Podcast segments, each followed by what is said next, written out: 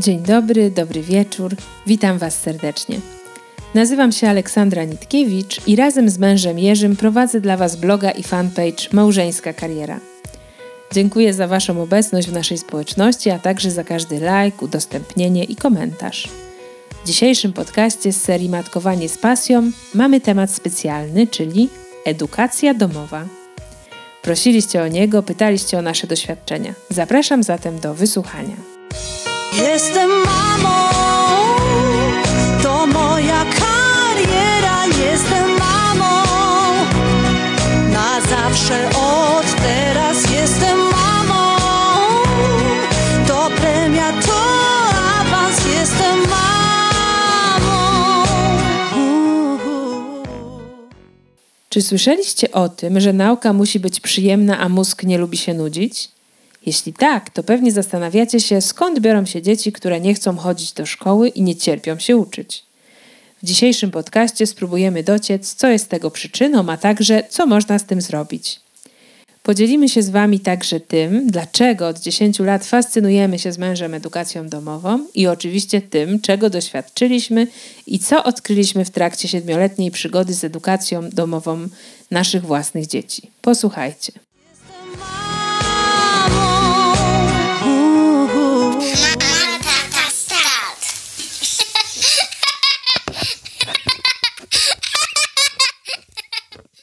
Dziesięć lat temu usłyszałam, że przełomowym odkryciem neurobiologii jest fakt, że po pierwsze, mózg nie lubi się nudzić, po drugie, nauka, żeby była skuteczna, powinna być przyjemna, a po trzecie, mózg uczy się tylko tego, co sam uzna za przydatne, nowe i ciekawe. Zdajecie sobie sprawę, że, e, że te twierdzenia e, wywróciły, że tak powiem, do góry nogami takie moje jakieś przekonania z lat szkolnych, y, że powinno się coś zrobić, że y, ważne jest, że chociaż mi się nie chce, to trzeba i tak dalej. I rzeczywiście ten proces takiego mojego i naszego właściwie z mężem odkrywania zupełnie innej ścieżki edukacyjnej zaczął się y, w momencie, kiedy nasze pierwsze z naszych dzieci zaczęło podstawówkę razem e, właściwie zaczęliśmy zadawać sobie pytanie o to, co powoduje sukces edukacyjny, od czego zależy sukces edukacyjny.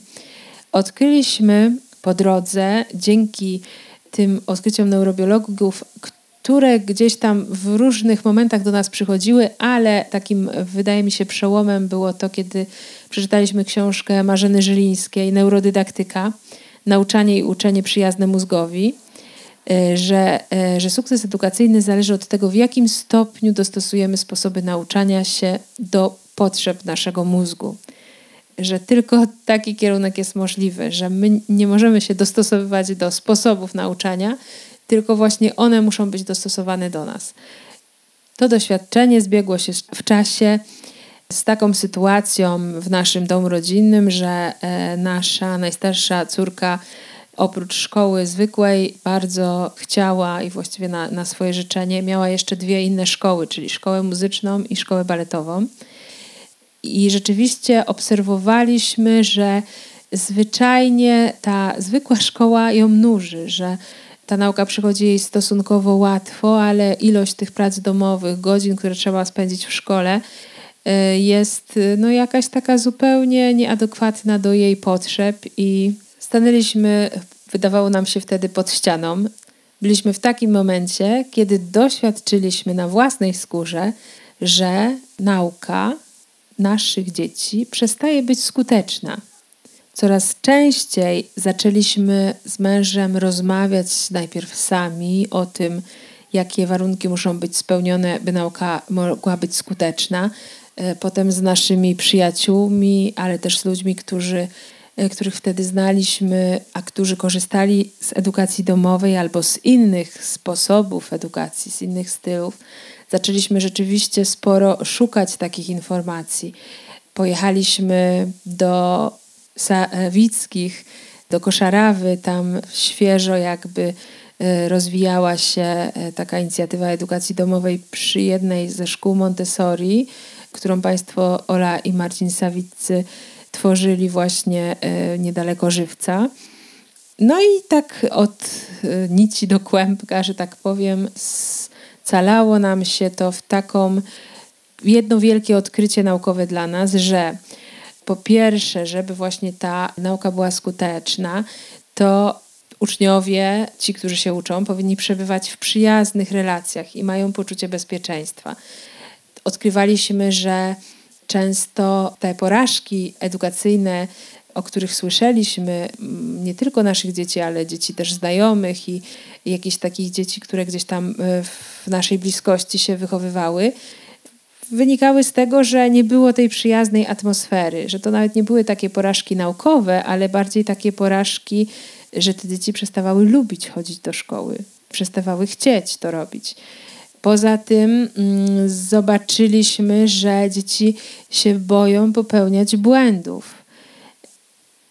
Y, sami zaczęliśmy się tym martwić, bo widzieliśmy taką naszą obawę, jak one osiągną samodzielność, skoro one y, jakby zaczynają się bać coś robić, żeby nie zrobić tego źle. Potem, że jakby widzieliśmy, że taka atmosfera pewnej dużej dyscypliny albo strachu, która panuje na lekcjach, no nie sprzyja właśnie tej chęci nauczania temu, co wcześniej obserwowaliśmy u przedszkolaków, że przychodziło bez żadnego namysłu, jakby taki głód wiedzy, a e, w którymś momencie on zaczął e, trafiać na jakiś taki opór. Właśnie te nasze odkrycia doprowadziły do tego, że często właśnie ten rodzaj interakcji z nauczycielem albo jakaś taka atmosfera dosyć napięta e, na lekcji no, powodowała tego typu trudności.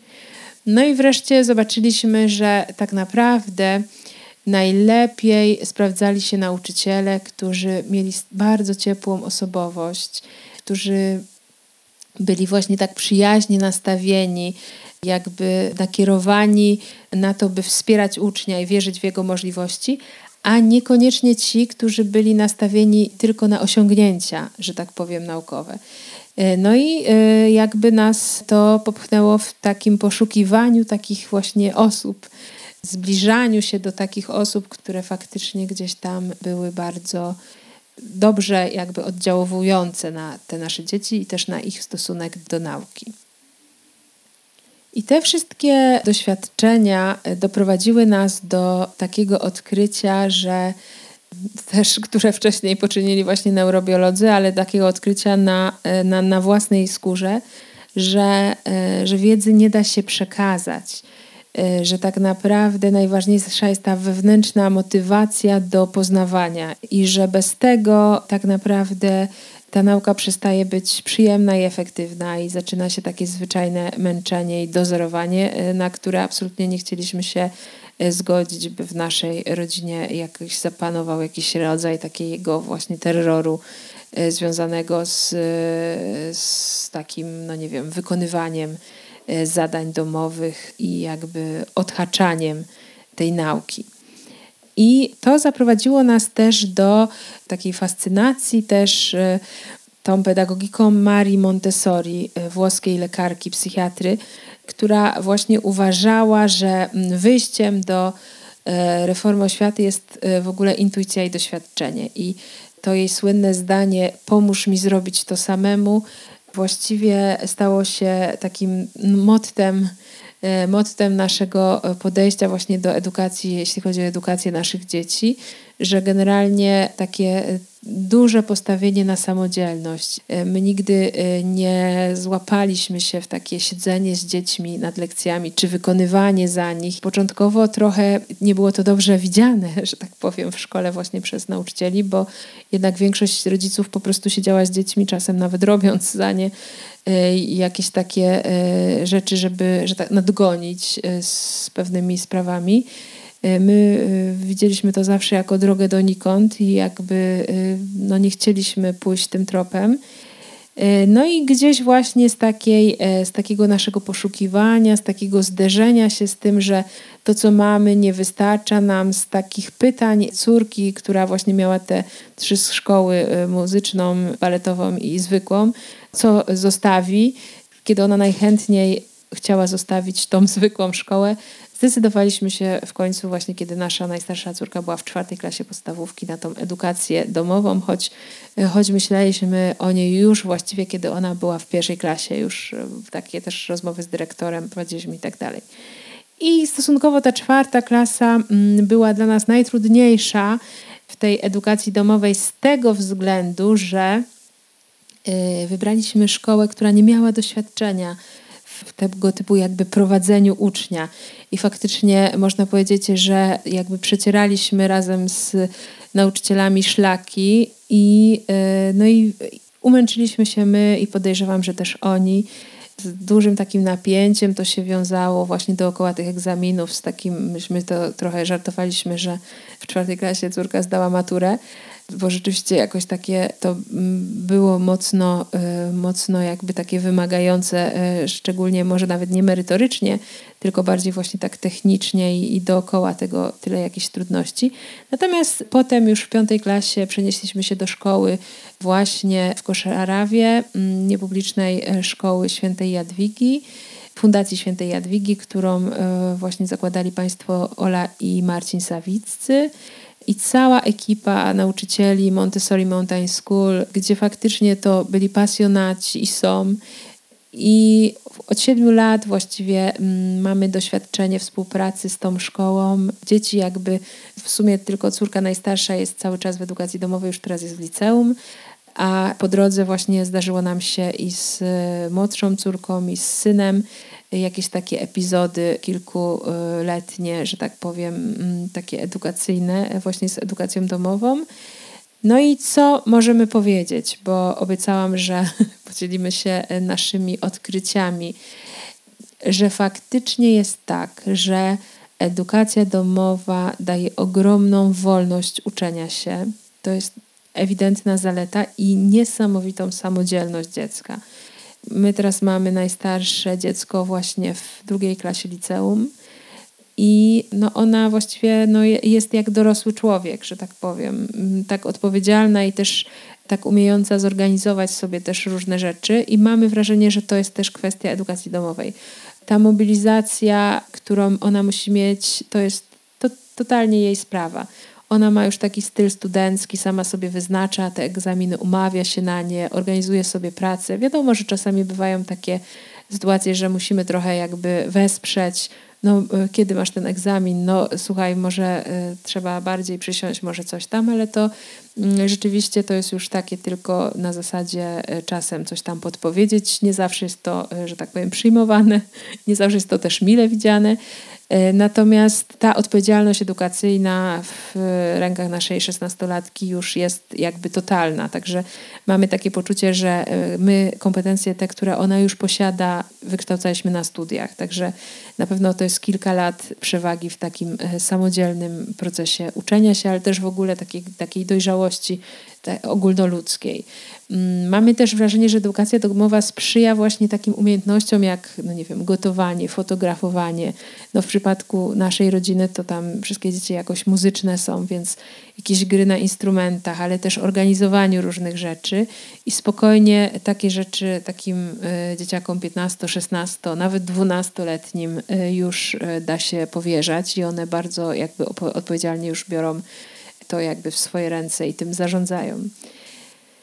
E, mamy też takie doświadczenie, mm, że teraz na przykład kolejne dziecko było ileś tam lat w szkole i teraz e, jakby podstawówkę skończyło w szkole takiej, e, że tak powiem, systemowej, a teraz zaczyna, zaczęło edukację domową właśnie w liceum i w takich jeszcze klasach tutorskich będzie, będą tam zjazdy. I też to widzimy, właśnie z taką radością śledzimy to rodzenie się takiej dojrzałości właśnie do tego, by przejąć kontrolę, taki proces odszkalniania, czyli e, wyjścia z tego, że jednak dostawało się taką instrukcję, co trzeba zrobić, co się nauczyć, na kiedy, e, do takiego, że ja sam, sam muszę to sobie ogarnąć i zorganizować. Widzimy, że edukacja domowa jest też taką formą skuteczniejszą i prostszą do opanowywania wiedzy. Był taki epizod właśnie, gdzie mm, jedno z naszych dzieci, no właśnie to najstarsze, na pół roku wróciło do szkoły, tam w siódmej klasie. I po tym pół roku stwierdziło, że to jest w ogóle jakiś kosmos. Tyle godzin w szkole, bez efektu w postaci uczenia, czyli e, siedzisz w szkole, a do domu musisz przyjść i dopiero wtedy się uczyć. Więc jeśli masz dodatkowe zajęcia w postaci szkoły muzycznej czy baletowej, w ogóle nawet e, gdybyś chciał, to jest to niemożliwe.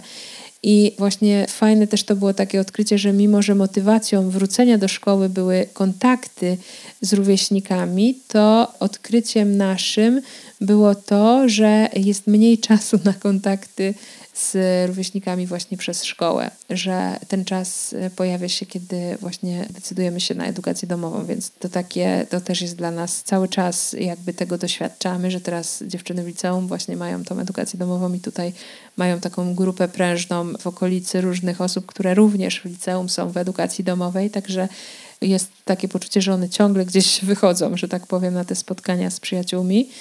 I też Mam takie wrażenie, że edukacja domowa daje możliwość szukania sobie tych grup takich rówieśniczych, czyli no one tam zdecydowały się na jakieś takie wspólnotę, e, ma, mają też właśnie jakieś dodatkowe zajęcia w postaci właśnie e, tam szkoły muzycznej czy jakichś zajęć sportowych, ale też jakby bardzo świadomie sobie budują taką grupę przyjaciół, gdzie nawet rano, no nie wiem, wstają, żeby się umówić na wspólne uczenie raz w tym domu, raz w innym. Więc jakby to też jest takie, e, no, takie budujące, że jakby, e, że do tego, e, do tego dążą.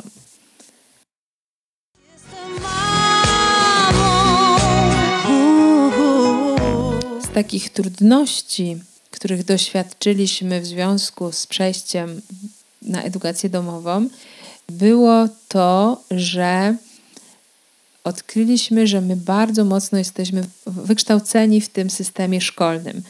Że zwłaszcza w pierwszym, drugim roku właśnie edukacji domowej, to dla mnie osobiście było dużym takim wyzwaniem, żeby nie wprowadzać takiego napięcia w domu. Bo, czy zdążysz? Co zrobiłaś? Yy, zobacz, dzisiaj za mało zrobiłaś. Yy, nie, nie dasz rady. I po prostu jak sobie o tym myślę, to teraz e, jakby śmieję się z tego, ale wynika to z takiego czegoś, że E, no, że jakoś jestem z takiego pokolenia, nie wiem, gdzie te paski to było coś takiego, co, co było oczywiste, gdzie trzeba było się uczyć, e, paski na świadectwie, gdzie trzeba było się uczyć, czy się chciało, czy się nie chciało, bo czuło się, że tak powinno się, że, że te oceny są ważne, że ta wiedza jest jakoś tam ważna i nie zawsze miało to przełożenie na jakby faktycznie skuteczność. Czasem to było naucz się i zapomnij, mm, zakuj zapomnij, tak zwane zdaj po drodze na piątkę e, jeszcze, ale to było duże wyzwanie, żeby nie przekładać e, takich swoich jakichś przekonań e, zupełnie nieadekwatnych na właśnie dzieci. I kiedy wyszliśmy z tego, no właśnie już mamy te 7 lat bycia w edukacji domowej, więc jakby już się od tego uwolniliśmy, to zobaczyliśmy, że efekt przychodzi dopiero, kiedy my zaczynamy odpuszczać czyli że my pozwalamy, żeby on, mm, dziecko nawet nie zdążyło. My mieliśmy syna, pamiętam, że w trzeciej, czwartej klasie chyba z edukacji domowej i on bardzo słabo ogarnął przyrodę, bo e, rzeczywiście był w nim takim opór. Ale największym doświadczeniem dla niego było pójść na egzamin i nie zdać go dobrze po prostu, zdać go tak, no, tak średnio.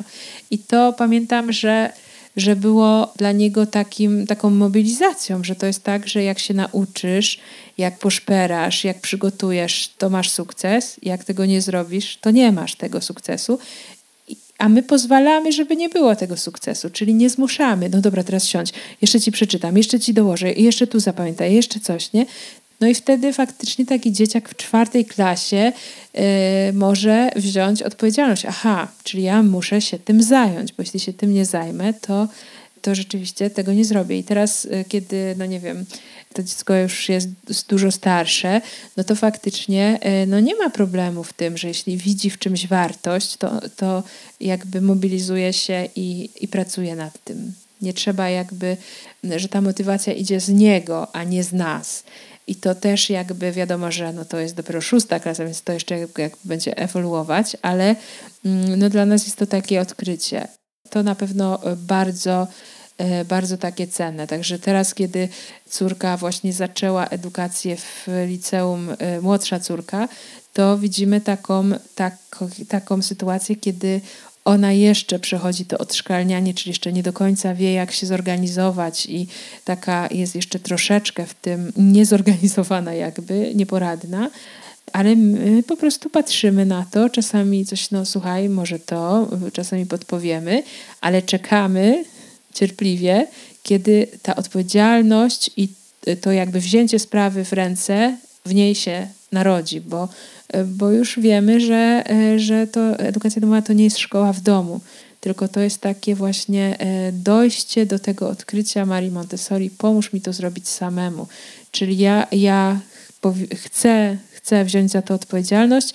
Jeśli mam trudności, to mo możesz mi pomóc, ale nie możesz mi zro zrobić tego za mnie, nauczyć się tego za mnie, e, chcieć za mnie, że ta chęć musi się we mnie zrodzić i to jakby postanowienie, że aha, dobra, to teraz jednak już siadam nad czymś tam, jakimś przedmiotem.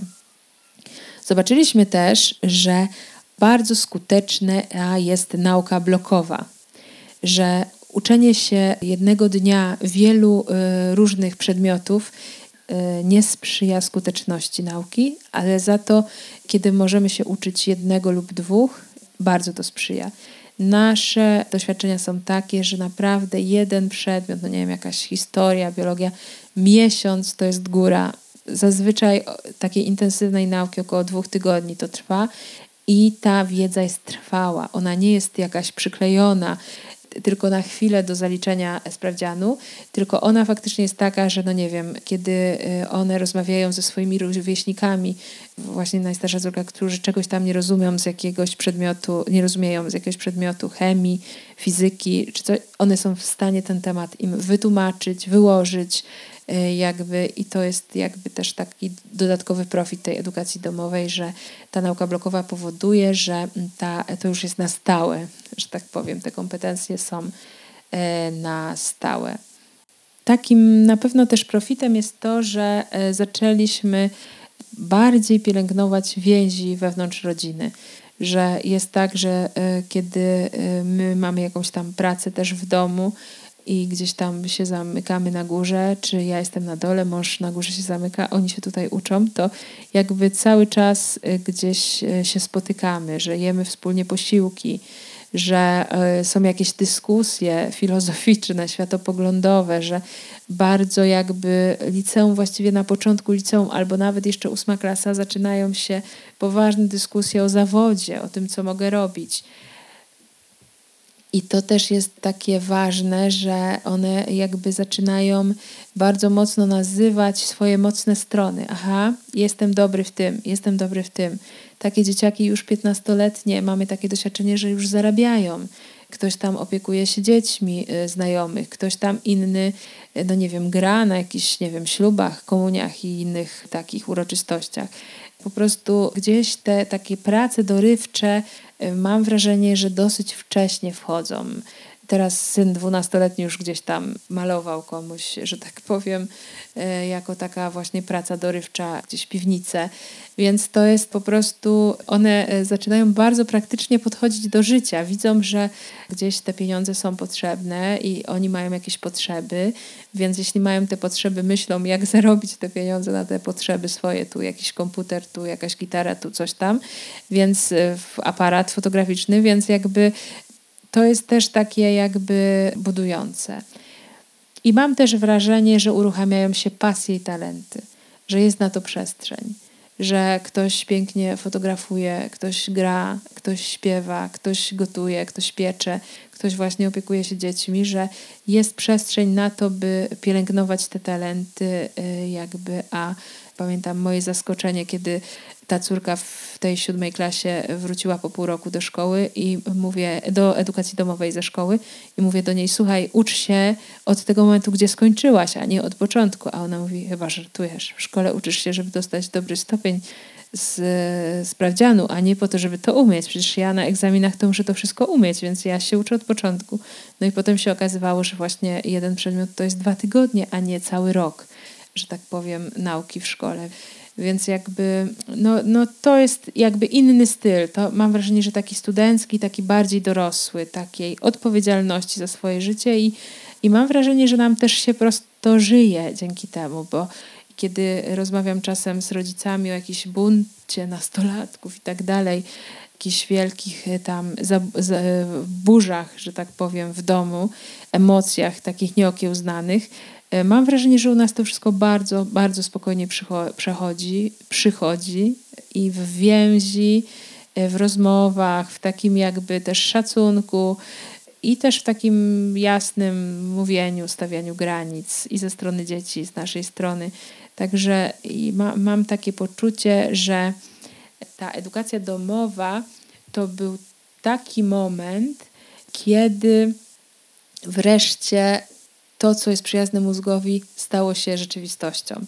No i to jest prawda, że rodzic wiele się uczy, bo na przykład, no nie wiem, nie wiem, ja e, się wychowałam w takiej kulturze, gdzie trzeba było rano w miarę wcześnie wstać, że takie spanie do dziewiątej to już był jakiś rodzaj e, byczenia się i takie zarezerwowane na jakieś wyjątkowe wakacyjno takie stany czy weekendowe.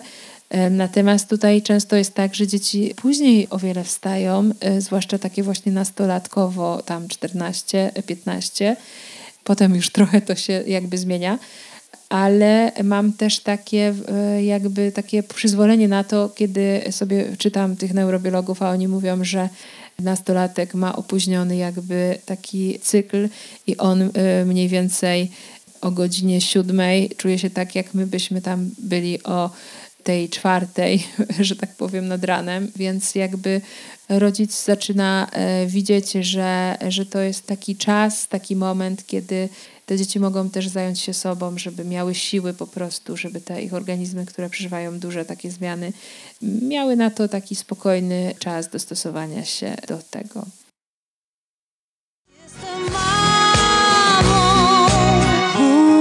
Tak na koniec, że tak powiem, podsumowując, dla nas e, najważniejsze rzeczy to e, muszę też, e, jakby kończąc już to, podkreślić, że edukacja domowa staje się stylem życia, czyli tym, że edukacja ma sprzyjać i nauka naszemu życiu, a nie my mamy jakby podporządkowywać wszystko, żeby się zmieścić w jakimś schemacie, zdążyć na coś dojechać. I mam wrażenie, że w takiej rodzinie jak nasza, gdzie faktycznie jest pięcioro dzieci, gdzie, no nie wiem, dwie są licealistki, ale jest y, syn w szóstej klasie, ale córka w zerówce, młodsza jeszcze w przedszkolu, czterolatka, to są y, jakby takie bardzo różne potrzeby, a edukacja domowa, y, na przykład tych dwóch licealistek, daje taką możliwość, że one sobie to wszystko dostosowują. Jednocześnie też y, widzę, że oprócz edukacji domowej też y, rodzą się takie y, nowe formy właśnie szkolne, które pozwalają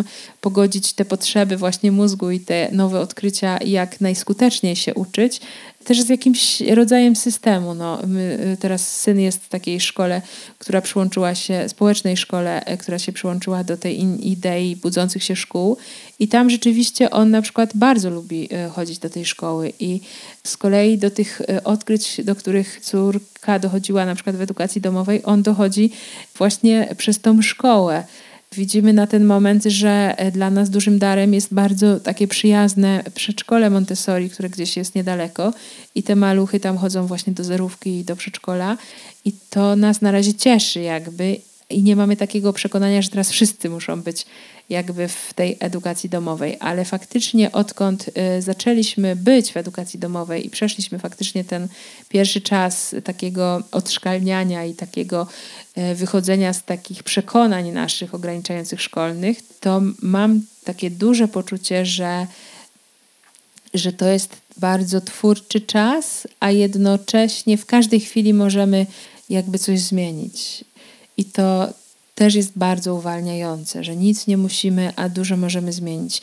Mam wrażenie, że ta wolność, która rodzi się za tym odkryciem, e, no, procentuje właśnie e, bardzo takimi dobrymi relacjami z dziećmi, takim ich ogromną chęcią do nauki, ale wszystkiego, nie tylko szkolnej, ale też takiej no nie wiem, choćby gotowania, właśnie pieczenia, podejmowania różnych takich zobowiązań też społecznych w kościele, w różnych grupach takich więc jakby to też jest dla nas takim darem też trochę związanym z tym wejściem na taką trochę inną drogę.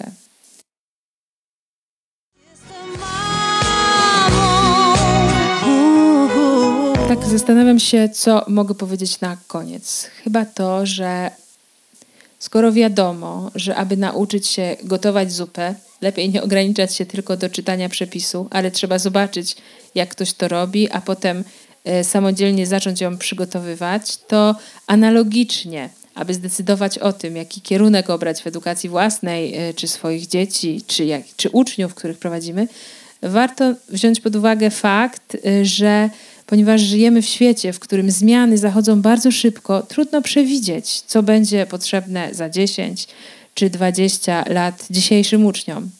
Być może przygotowujemy je do zawodów, o jakich nam się nie śniło.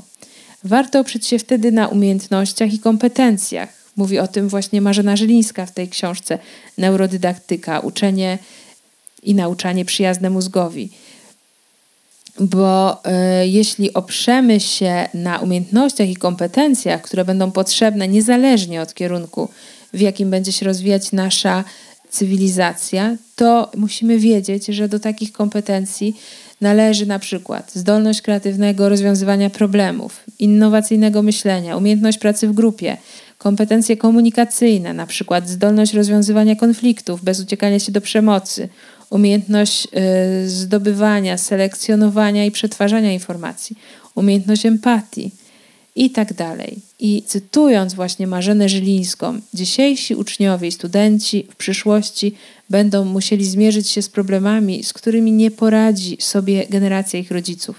Tym łatwiej będzie osiągnąć im sukces, im sprawniej będą umieli odchodzić od znanych im schematów i tego, co dziś uznawane jest za normę im szybciej będą mogli zejść z wydeptanych ścieżek i wytyczyć nowe. Rozwój wymaga bowiem szukania własnych rozwiązań. Tego e, nam wszystkim życząc, e, zapraszam do komentowania, udostępniania, lajkowania tego podcastu. Zapraszam do tego, byście byli z nami dalej. Możecie w komentarzach proponować jakieś tematy, które by Was interesowały. Bardzo się cieszymy z Waszej obecności. Pozdrawiam Was bardzo serdecznie i do usłyszenia. Jestem mamą, to moja kariera. Jestem mamą, na zawsze.